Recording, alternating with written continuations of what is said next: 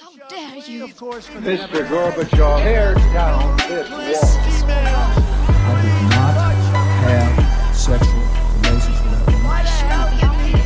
Read my lips. Hell yes, we're gonna take your AR-15. It's your waiting AK. I have a dream. Thank you. Det har kommet en ny eh, indeks fra The Economist, den eh, årlige Democracy Index, der de eh, ser litt på hvordan det står til med demokratier rundt omkring i verden. Den ble publisert nå i februar eh, 2023.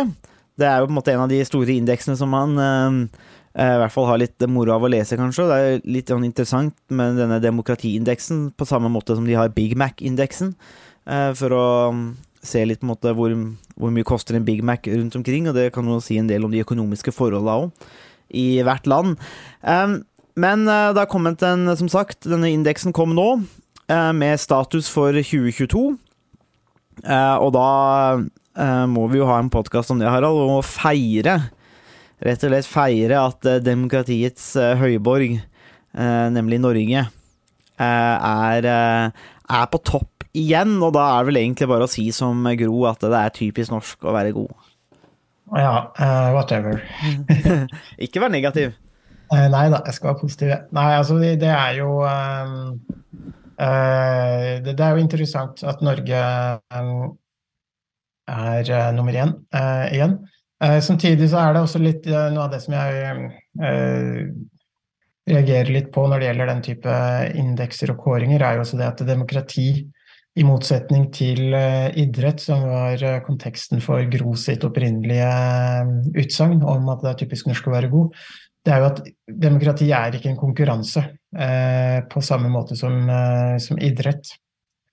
Eh, og hvor det å stille på en måte spørsmålet hvem som er best, er ikke helt nødvendigvis, er, er ikke nødvendigvis et meningsfullt eh, spørsmål. Det er ikke sånn at Eh, hvis det er flere som stemmer i det norske valget enn i Sverige, så er vi bedre enn Sverige på demokrati sånn.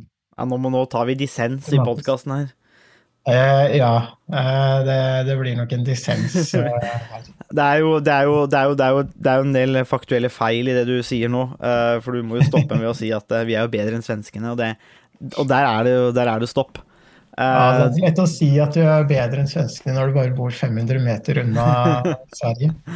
ja ja, men, men, kommer, men, sånn er det. kommer, stein haglende jo så fort man uh, sier noe negativt om svenskene. Ja, er eh, man, man, kan ikke, man kan ikke gjøre noe som kan forstyrre eh, muligheten for å kjøpe billig mat og snus eh, Nei, og, og, Pepsi Max.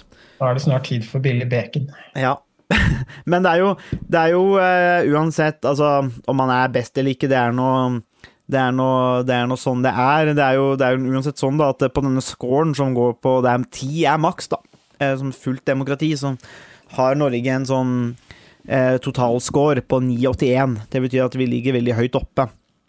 Her, vi skal gå gjennom litt om, gjennom disse variablene etterpå. Eh, og på andreplass så kommer jo New Zealand. eh, 961. Um, og så kommer Island. Eh, Sverige har jo da forresten 939, så det er jo ikke så store forskjellene. Så kommer Finland, Danmark, Sveits, Irland, Nederland, og så første asiatiske, da, i Taiwan. Um, og det er jo, um, som de nevner, da, at um, at um, antallet fulle demokratier har gått opp fra 21 i 2021 til 24 i 2022. Um, såkalte feil, feil, feilslåtte demokratier, flaw democracies, har eh, falt fra 53 til 48. Men eh, nummer, antallet hybridregimer da, har økt fra 34 til, til 36. Og antallet autoritære regimer ligger fortsatt på 59. Um, så, men jeg tenker jo det som er interessant kanskje med en sånn, eh, ikke nødvendigvis det at man, om man er på topp eller ikke, uh, det er jo litt med hva er det de legger i dette med, med demokrati, og hva er det de um, ehm, Ja, hva er det de legger i demokrati, og, de, og hvordan de måler det. Um, og da har de jo fem ulike variabler, vel.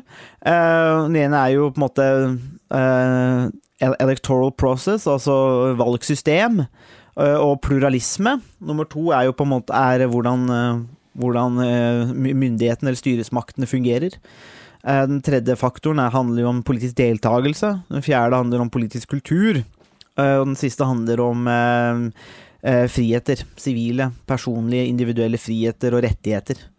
Eh, og det er jo der man måler. Uh, for Norges del så ser man jo på denne med det, valgtekniske, kan vi si. da, Der scorer vi ut på ti.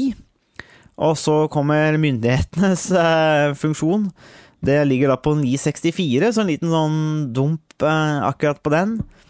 Eh, og så på deltakelse og kultur så er det 10 blank. Og så er det 9,41 den laveste scoren når det kommer til individuelle og sivile rettigheter, da.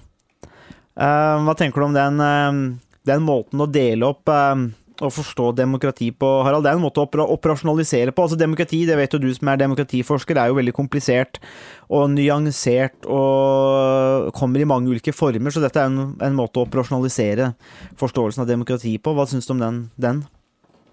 Jeg syns det er altså sånn, Generelt så syns jeg den dekker eh, de, mange av de grunnleggende eh, trekkene og definisjonene, eller trekkene ved en definisjon av demokrati. Eh, den får fram betydningen av,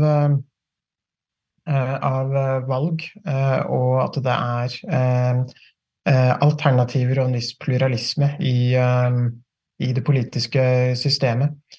Eh, og den dekker også eh, den andre funksjonen, altså 'functioning of government', eh, dekker hvordan myndighetene, hvordan staten og hvordan måte, det offentlige fungerer og Mm. i, er, er hvordan det offentlige klarer å iverksette politikk og i så hvordan man klarer å, å gjennomføre politikk og hvordan institusjonene, eh, selve inst- statsinstitusjonene og de politiske parlamentariske eh, funksjonene, institusjonene, fungerer. Eh, så den dekker, eh, den dekker mange av de viktigste elementene av, eh, av et, eh, en definisjon eh, på demokrati, og man kan alltid diskutere noen av detaljene. Eh, Men den får med sånn som i tillegg eh, deltakelse, som eh, uten tvil eh, er eh, ekstremt eh, viktig, og ikke nødvendigvis eh, at eh, deltakelsen i seg selv må være 100% for at man skal score eh, 100% omtrent eh, på den indikatoren, men det at det ikke må være noen barrierer eller ligge noen eh, hindringer eh, for at man skal kunne, kunne delta. Mm. Eh, og så er det det med politisk kultur, eh, som også er et, et, en viktig del av eh, et demokrati. Eh, og eh, det som eh, politisk kultur er nok kanskje et, en variabel som er kanskje blant de vanskeligste å, å måle og operasjonalisere. Og som det kanskje er den som en av de som er man kan stille størst spørsmålstegn rundt, og som kanskje er mest, en av de mest kontroversielle i The Economist sin indeks. Altså den siste indikator med civil liberties, som handler om sivile politiske eh, rettigheter, er jo også en, på mange måter relativt enkelt å, å måle, fordi man kan eh, til en viss grad eh, sjekke eh, om noen har så har man rettig, en rettighet, eller har man ikke en rettighet. Mm. Eh, Så det, det er til en viss grad, eh, altså ikke ukomplisert, men i hvert fall noe lettere å, å måle enn f.eks. politisk kultur, som kan være veldig mye.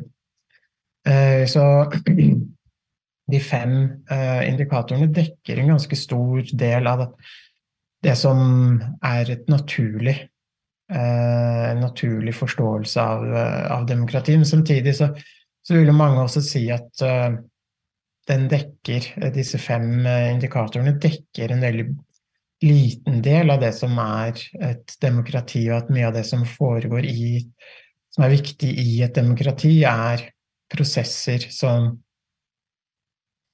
eh, stikker mye dypere. og At det, handler, det å være et demokratisk samfunn handler om holdninger som både enkeltindividet og eh, som gjennomsyrer hele samfunnet i mye større grad. Men det er, det er nok kanskje et eh, syn på demokrati som, som går litt dypere enn det som, eh, som også er, er mulig å måle i mange sammenhenger. Mm. Det er jo, det er jo de, de, de, de skriver jo også at de forsøker jo å, å, å vurdere demokratiene ut fra en helhet. Eh, og at det er disse fem kategoriene man bruker da, for å forme denne, dette helhetlige eh, eh, bildet.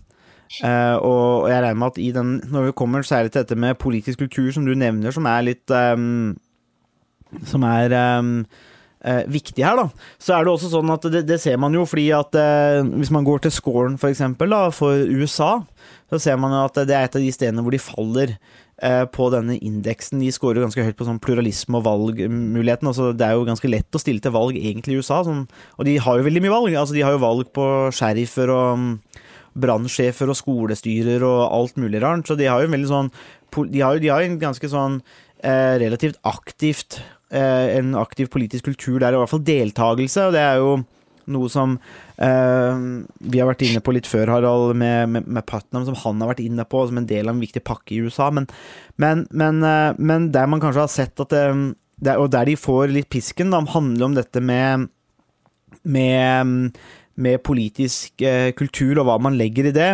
Eh, men her må man jo kanskje tenke seg at det har noe med eh, Kanskje sett i sammenheng med at eh, USA også scorer lavere f.eks. på dette med, med hvor, hvor godt myndighetene eller styresmaktene fungerer, hvor godt staten fungerer, eh, og at eh, man kanskje har fått en kultur, særlig rundt dette med Washington og de to partiene som ikke snakker sammen.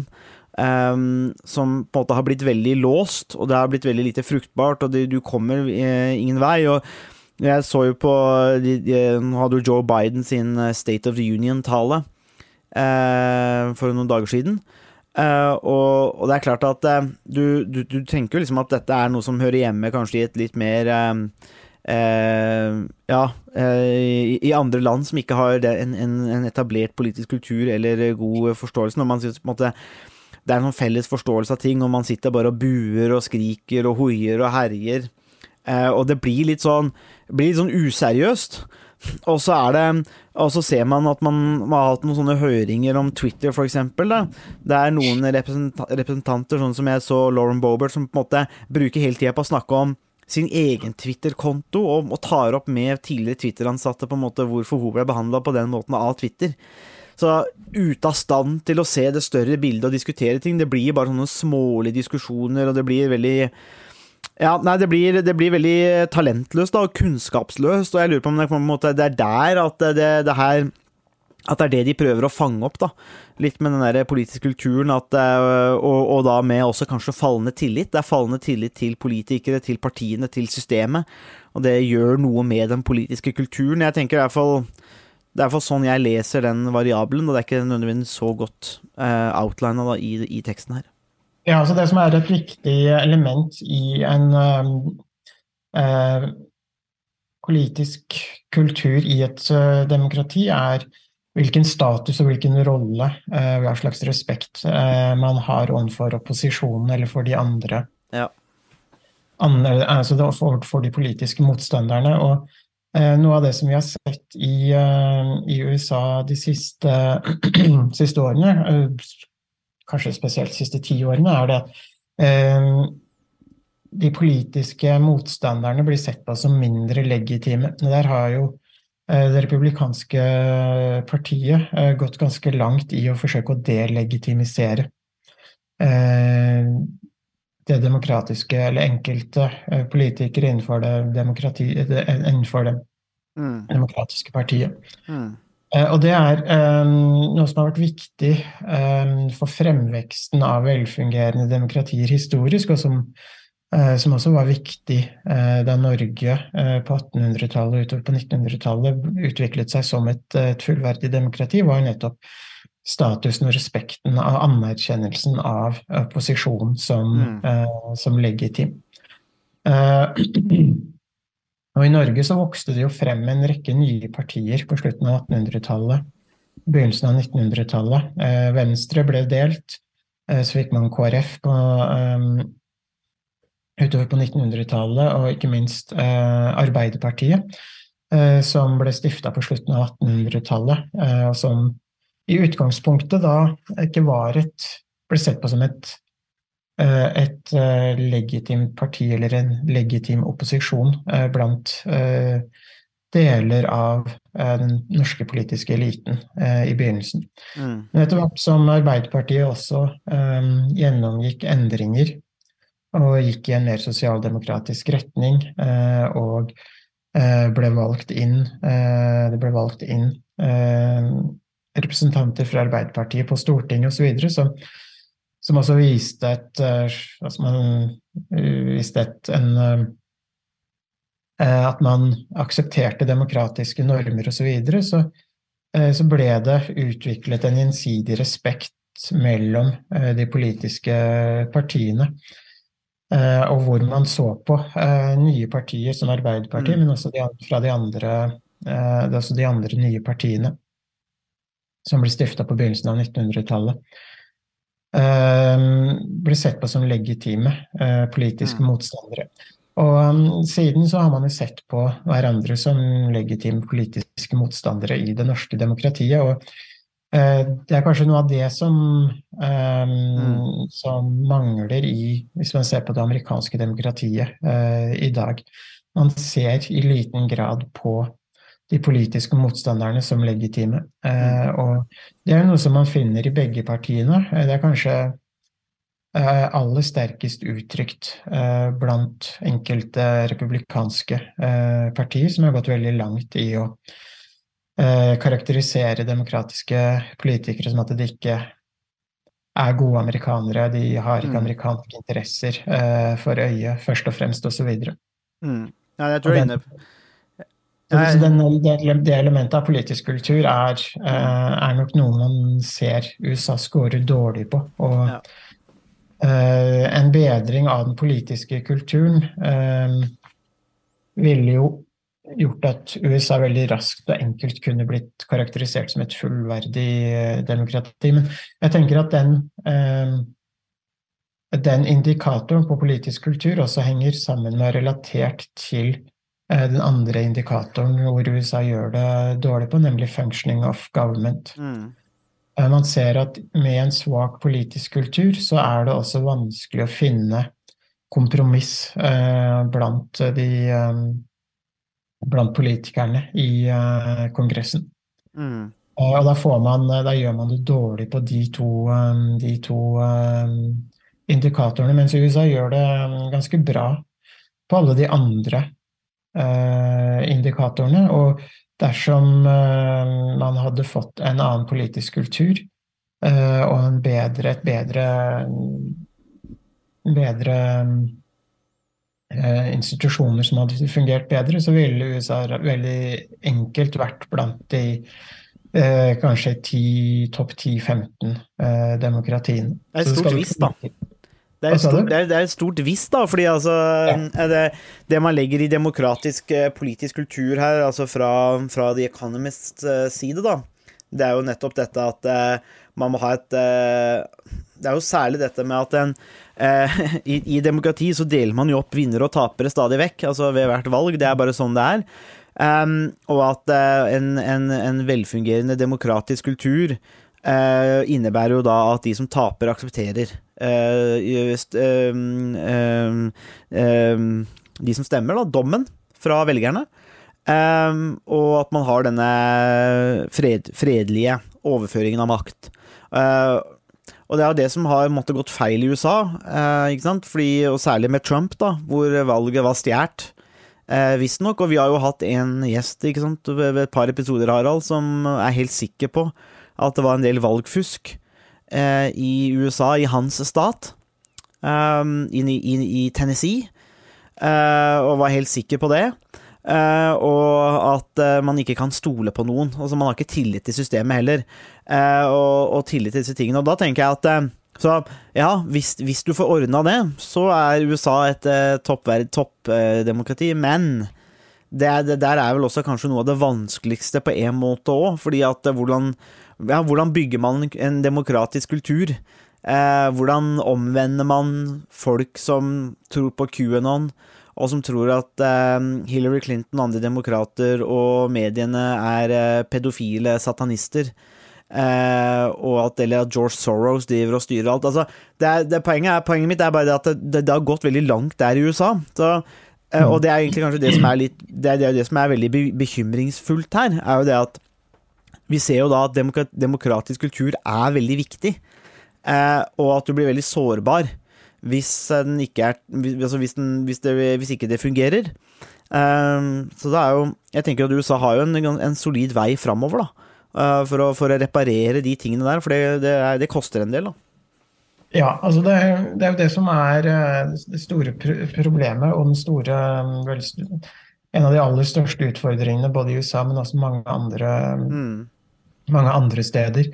Uh, og det er jo også et spørsmål Så hva er det som skaper Eh, hva er det som skaper hva? Altså er det et, et eh, velfungerende samfunn som skaper et velfungerende demokrati, eller er det et velfungerende demokrati som skaper et velfungerende samfunn?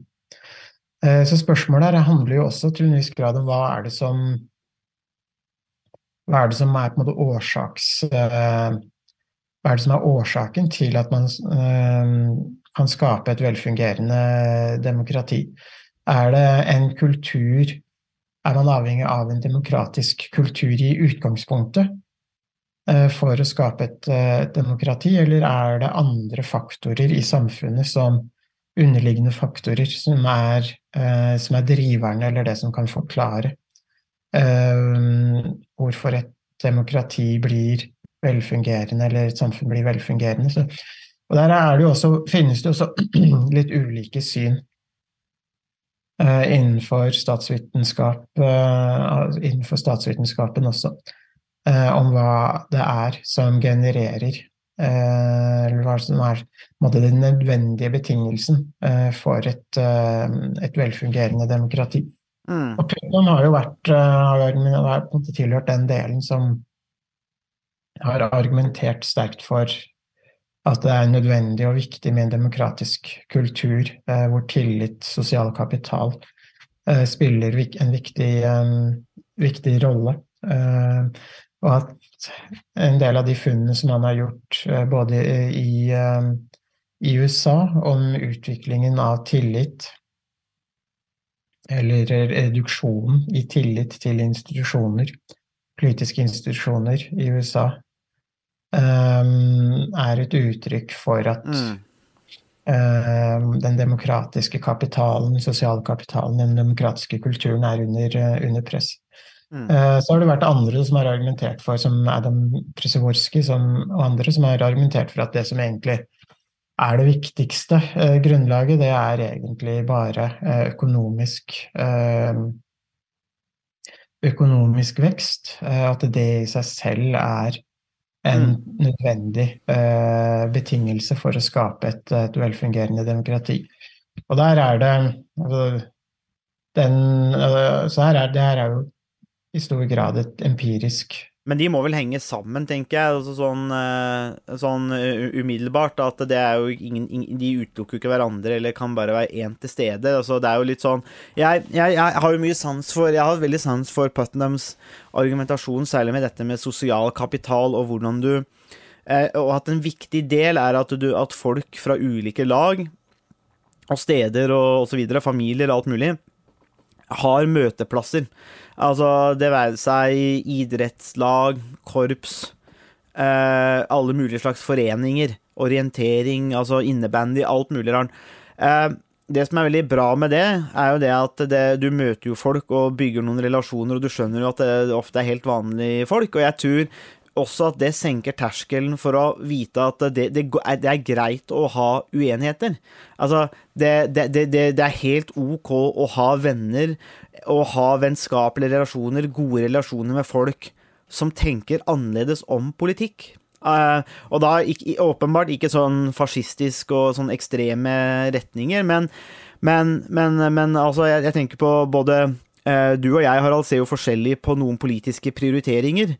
Uh, og, og, jeg, men, jeg, tenker jo aldri liksom at det på en måte definerer altså Hadde du vært veldig sånn Norge skal bare være for hvite nordmenn osv., og, så videre, og alle som ikke har hvit hudfarge skal ut, så er det klart at da hadde vi slitt her.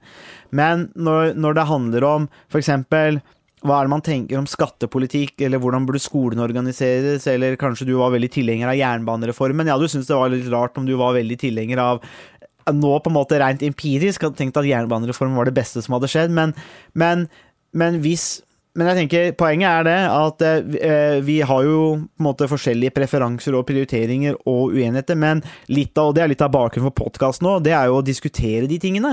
Eh, men det er jo med, det er med en anerkjennelse om at det å diskutere det er greit. Altså det er helt ok å ha meningsbrytninger og så skal ikke det definere noe mer. Altså, og det er der jeg tenker kanskje at det der med som Putnam er inne på, det der med, med sosial kapital, at det muliggjør mye mer av at du, du, forstår andre mennesker, du kan ha kontakt med andre, og det er helt ok å ha de relasjonene, selv om man tenker forskjellig om noen politiske prioriteringer. Mens jeg føler at i USA, særlig det vi ser nå, er, og i hvert fall hvis vi følger Putnams argument om at eh, færre og færre deltar i foreninger og lag hvor man møtes på tvers så gjør også det at uh, den uenigheten blir mye mer sånn Det er ikke det at du har uenighet, det er fiende. Og det er, det er på en måte illegitimt å ha de uh, synene på ting. Eh, fordi at du er på en måte fiende her, da. og man, man måtte miste den derre kanaliserte demokrati, Det demokratiet gjør med å kanalisere konflikt, det, det, forsvinner på en måte, så blir det bare konflikt, da. Ja, altså Det som er utfordringen, måte å finne ut hva er det som forklarer at et demokrati er velfungerende eller ikke, er jo også det at det å måle demokratisk kultur er veldig vanskelig. Eh, fordi det kan inneholde veldig mange uh, forskjellige elementer, og mange av de elementene er mer kvalitative og vanskelige å, å operasjonalisere uh, også. Så det, det, betyr jo ikke at, men det betyr jo ikke at kultur ikke er viktig, men eh, det betyr at det kan være vanskelig å, å identifisere hva slags rolle det eventuelt eh, spiller. Eh, og det kan også være å gjøre det vanskelig å, å, å avgjøre eller identifisere hvor stor rolle mm. eh, det spiller. Så hvis man liksom sier at man skal forklare 100 så, kanskje, så er det kanskje vans veldig vanskelig å vite om kultur er 20% eller 60 mm. Eh, man kan kanskje ha, en, ha, veldig mange gode argumenter og grunner og forklaringer til som, som viser at demokrat, demokratisk kultur betyr noe, men akkurat hvor stor betydning det er vanskelig, uh, vanskelig å, å vite. Uh, um, og også noen av de tallene som, eller noen av de uh, resultatene som gjelder betydningen av økonomi som forklaringsvariabel, er jo også det at en del av den forskningen har, uh, har kanskje en viss forklaringskraft, men den er jo også begrensa i tid og rom. Og spørsmålet er jo da også i hvilken grad man kan mm. generalisere til, til, å si at det er en, en generell lov eller ja. grunnlag for demokratiet som helhet. Mm, det jo, jeg tenker jo at det, det, det som er viktig rent det, på det økonomiske, er og økonomisk vekst, og hvorfor det også er viktig. Men det handler også om fordeling. At i, i den forstand at hvis du har en stor del av befolkningen som ikke har noe lønnsvekst, da, og en annen del som tjener veldig godt, eh, og avstanden blir for stor, så hjelper det egentlig ikke om man møtes i idrettslag heller, for da ler man til slutt i forskjellige virkeligheter. Eh, det, det, det, har jo en rolle, det òg, eh, og vi vet jo at når hvis folk har muligheter, og de har eh, ja, la oss si eiendom da, eller materielle ting, og man har ting investert i systemet, så gjør også det at man tar mer eierskap til, eh, til systemet. Eh, og kanskje man bidrar mer til politisk kultur eller disse tingene òg, fordi at man har, man har, noe å tape. Fordi man ser at man også at man har noe å vinne, men hvis man er veldig utafor, hvis man får dette voldsomme utenforskapet som en og det tenker jeg altså man eh, i en stor grad ser til, i ser USA, altså antallet av veldig fattige som er helt utafor. Så er spørsmålet hva har de egentlig å tjene på det demokratiske systemet? Altså hva har, de egentlig, hva har det egentlig gjort for dem? Eh, og det er vanskelig da, kanskje, når man lever i den virkeligheten, å skulle si at nei, men eh, disse, disse, verdiene som vi setter så høyt, det er veldig viktig for deg når du egentlig kjemper for å overleve eh, fra dag til dag. Da. Så klart at økonomisk, økonomiske situasjonen har jo en del å si. Det fremstår jo helt klart. Ja, altså det som, eh, det som er noe av eh, magien nærmest med økonomisk vekst, er jo også det at eh, man får en større kake som kan fordeles. Og hvis hvis den kaken fordeles til store deler av befolkningen, så, så vil jo også en, en, større andel av befolkningen oppleve at de, eh, de har noe å tape. Eh, at det er noe som står på spill, og at de også får det bedre. Eh, Mm. og, ehm, så sånn sett så, så er det liten tvil om at økonomisk eh, vekst kan, ha, kan være en veldig viktig forklaringsfaktor, og det er også en veldig håndfast måte å måle hvordan hvordan et samfunn eh, fungerer, både politisk og økonomisk. Det at man opplever at man får måte, høyere levestandard, økt kjøpekraft eh, osv. Mm. Eh, og sånn sett så er det jo også Kan jo økonomi da Økonomi og kultur være med å, å forsterke hverandre, og at man Mm. skaper en, en, um, en sirkel hvor økonomisk vekst skaper en kultur som støtter opp om demokratiet, og hvor en, de en demokratisk kultur også er med på å øke den øke tilliten, øke eh, den økonomiske veksten eh, i samfunnet osv. Og, Mm. og dermed eh, ender man opp eh, med både sterkere økonomisk vekst og en sterkere demokratisk eh, kultur. Så Mm. sånn sett så så er det ikke sånn at det er gjensidig utelukkende, men samtidig så er det veldig vanskelig å vite hva er forklaringskraften til økonomi, og hva er forklaringskraften til, eh, til kultur. Um, og det virker på en måte plausibelt å tenke at det kan være en sammenheng mellom økonomisk vekst og utviklingen av eh, kultur, og, og vice versa. Men hva som på en måte kommer først, er jo er jo et spørsmål som det er vanskelig å, å besvare helt, uh, eh, helt enkelt med et ja eller nei-spørsmål. Det er jo det er vel, Svaret er jo at det er vel sammensatt. uh, og at det, det er nettopp det, det, er, det er nettopp derfor, tenker jeg, at um, det å få det riktig, altså det å gjøre det ting riktig, eller det å det er, det, er veldig, det er veldig komplisert. Altså det, er, det er mye vanskeligere enn å bare gå på en talerstol og si at vi skal mm, gjøre landet vårt eh, stort igjen, eh, eller bra igjen. Altså, det er veldig mye, og så handler det jo om folk, og det handler om erfaringer, det handler om opplevelser, det handler om myter, kultur. Altså det, det, det er veldig mye som spiller inn. Du var litt inne på det med, med, med Norge, men det er klart at eh, skal man forstå norsk utvikling på 1900-tallet, så er man jo avhengig av å se det på den fredelige, tross alt, protesten og det opprøret mot Sverige. Eh? Fra 1800-tallet og fram. Det at ikke det er væpna opprør, at man bygger stein på stein, det er noe som man høster av, eller som man kan bygge videre på.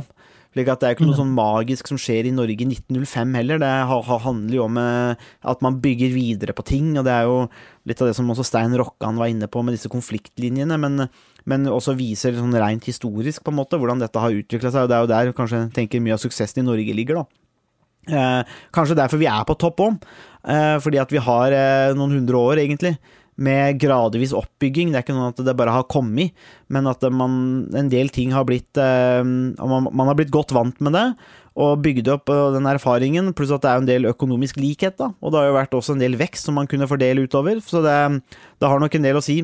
Det er jo, ser litt sånn historisk sammenheng, fra 2006 til 2022, så, så er jo vi på topp, da. Vi har jo dette i litt da i Norge. I 2006, som er den her statistikken her går fra, så var vi på 9,55 så toppa vi da fra um, maksa ut, tydeligvis, fra 2013 til, um, til 2016. Da var vi på 9,93, og så har det dalt nedover da til 9,75 og 9,80 nå, da. Så, men vi, vi, det jo, står jo fortsatt ganske bra til i Norge, sånn sett. Eh, mens i USA så ser man fra 2006 hvor man, hvor man lå på 9,07 og har kommet ned da nå til Nei, 8,22, og så har man kommet ned til 7,85. Uh, og når man kommer under dette åttetallet, så går man over i dette mer, mer sånn mislykka demokrati, eller er kanskje ikke mislykka, men demokratier som er fulle av feil. Eller har en del feil. De har en del, de har en del ting som er bra, og de har en del ting som trekker ned. Og der har jo USA havna, også sammen med Israel, og det, de ligger jo rett ved sida av hverandre, de to landene, og det tenker jeg også er interessant med tanke på den forrige podkasten vi gjorde for litt siden, Harald, med Jørgen Jensehaugen om utviklingen i Israel òg. Eh, og det demokratiske systemet der. Og det blir spennende å se til neste år f.eks. om Israel faller enda lenger ned eh, på, på, den statistikken. For det kan, det kan, jeg se for meg, egentlig, eh, med tanke på hva Jørgen snakka om. Og hvordan man beveger seg mot, for det første mot et slags apartheid-regime, men også hvordan Eh, hvordan man eh, forsøker å Særlig Netanyahu da, forsøker å, eh, å, kneble hva skal vi si, det juridiske systemet, rettsstaten, slik at han sjøl kan slippe unna fengsel. Eh, og det jeg tenker er et eh, Det blir spennende å se hva som skjer der. Eh, for det er jo også den, den, demokratiske statusen er jo noe Israel har holdt veldig høyt. Men, men, de faller jo, de òg. og det blir jo spennende å se hvordan det fortsetter videre, da. Eh, ja, noe av det som er interessant med både Israel og USA, er jo også at pluralismen, altså uenigheten og bredden i antall synspunkter, eh, er nok mye større enn det man ser i mange av de eh, nordvesteuropeiske demokratiene som, som, ligger på toppen av denne indeksen til The Economist. Eh, det å skape velfungerende demokratier i eh, stater med stor eh, grad av pluralisme er også veldig utfordrende. Mm. Fordi er, den politiske avstanden er rett og slett mye større enn i andre, i andre samfunn. Og med større politisk avstand så er det også vanskeligere å finne kompromiss og gode løsninger. Og, den fortellingen som vi på en måte har vært inne på med om den sammenhengen mellom demokrati, demokratisk kultur og, og økonomisk vekst, blir, bare, blir, også da enda vanskeligere å få til, mm. fordi um, det er større motvilje mot å fordele uh, ressurser til ulike sosiale, etniske, religiøse mm. grupper. Mm. Eh, og um, motviljen til å samarbeide er mye større. Og, og det er noe man, noe man, også eh, ser i veldig mange av de uh, såkalte flawed democracies, både i Europa og resten av verden. Det ser man også i de Tydelig også i de europeiske, mange europeiske demokratier også, som er som har vært eller er flawed uh, democracy, så er den politiske avstanden mye rett og slett mye større enn uh, i, um, i, Skandinavia, Sveits og New Zealand, som, som, alle er relativt uh, homogene mm. samfunn med, mm. med, mindre Relativt små økonomiske forskjeller og relativt homogen befolkning. Mm. Eh, og mm, hvor det er små Hvor det også er relativt um, lite religiøse, etniske um, konfliktlinjer som gjør seg gjeldende. Mm. Ja, det er, et, det er, et, godt poeng. Det er, jo, det er, jo, sammensatt, som du sier. Så det er um, Nei, det blir spennende å se. Jeg regner med at Norge er på topp til, til neste år òg. Det er jo det er viktig å være best i verden. Og det avslutter hun med å si at der tar jo Harald feil. Det er veldig viktig å være best. Uh, og det er typisk norsk å være god. Uh, så det, det, er, det, er, en sannhet som vi har her i podkasten, så da tenker vi bare å avslutte på den, faktisk. Takk for at uh, du hørte på Statsvitenskap og sånt. Har du spørsmål, kommentarer eller tilbakemelding, så er det bare å ta kontakt på vår Facebook-side, per e-post eller brevdue. Musikken er som vanlig laget av Robin Horvath, og Mats Halvorsen mikser og redigerer podkasten. Vi høres!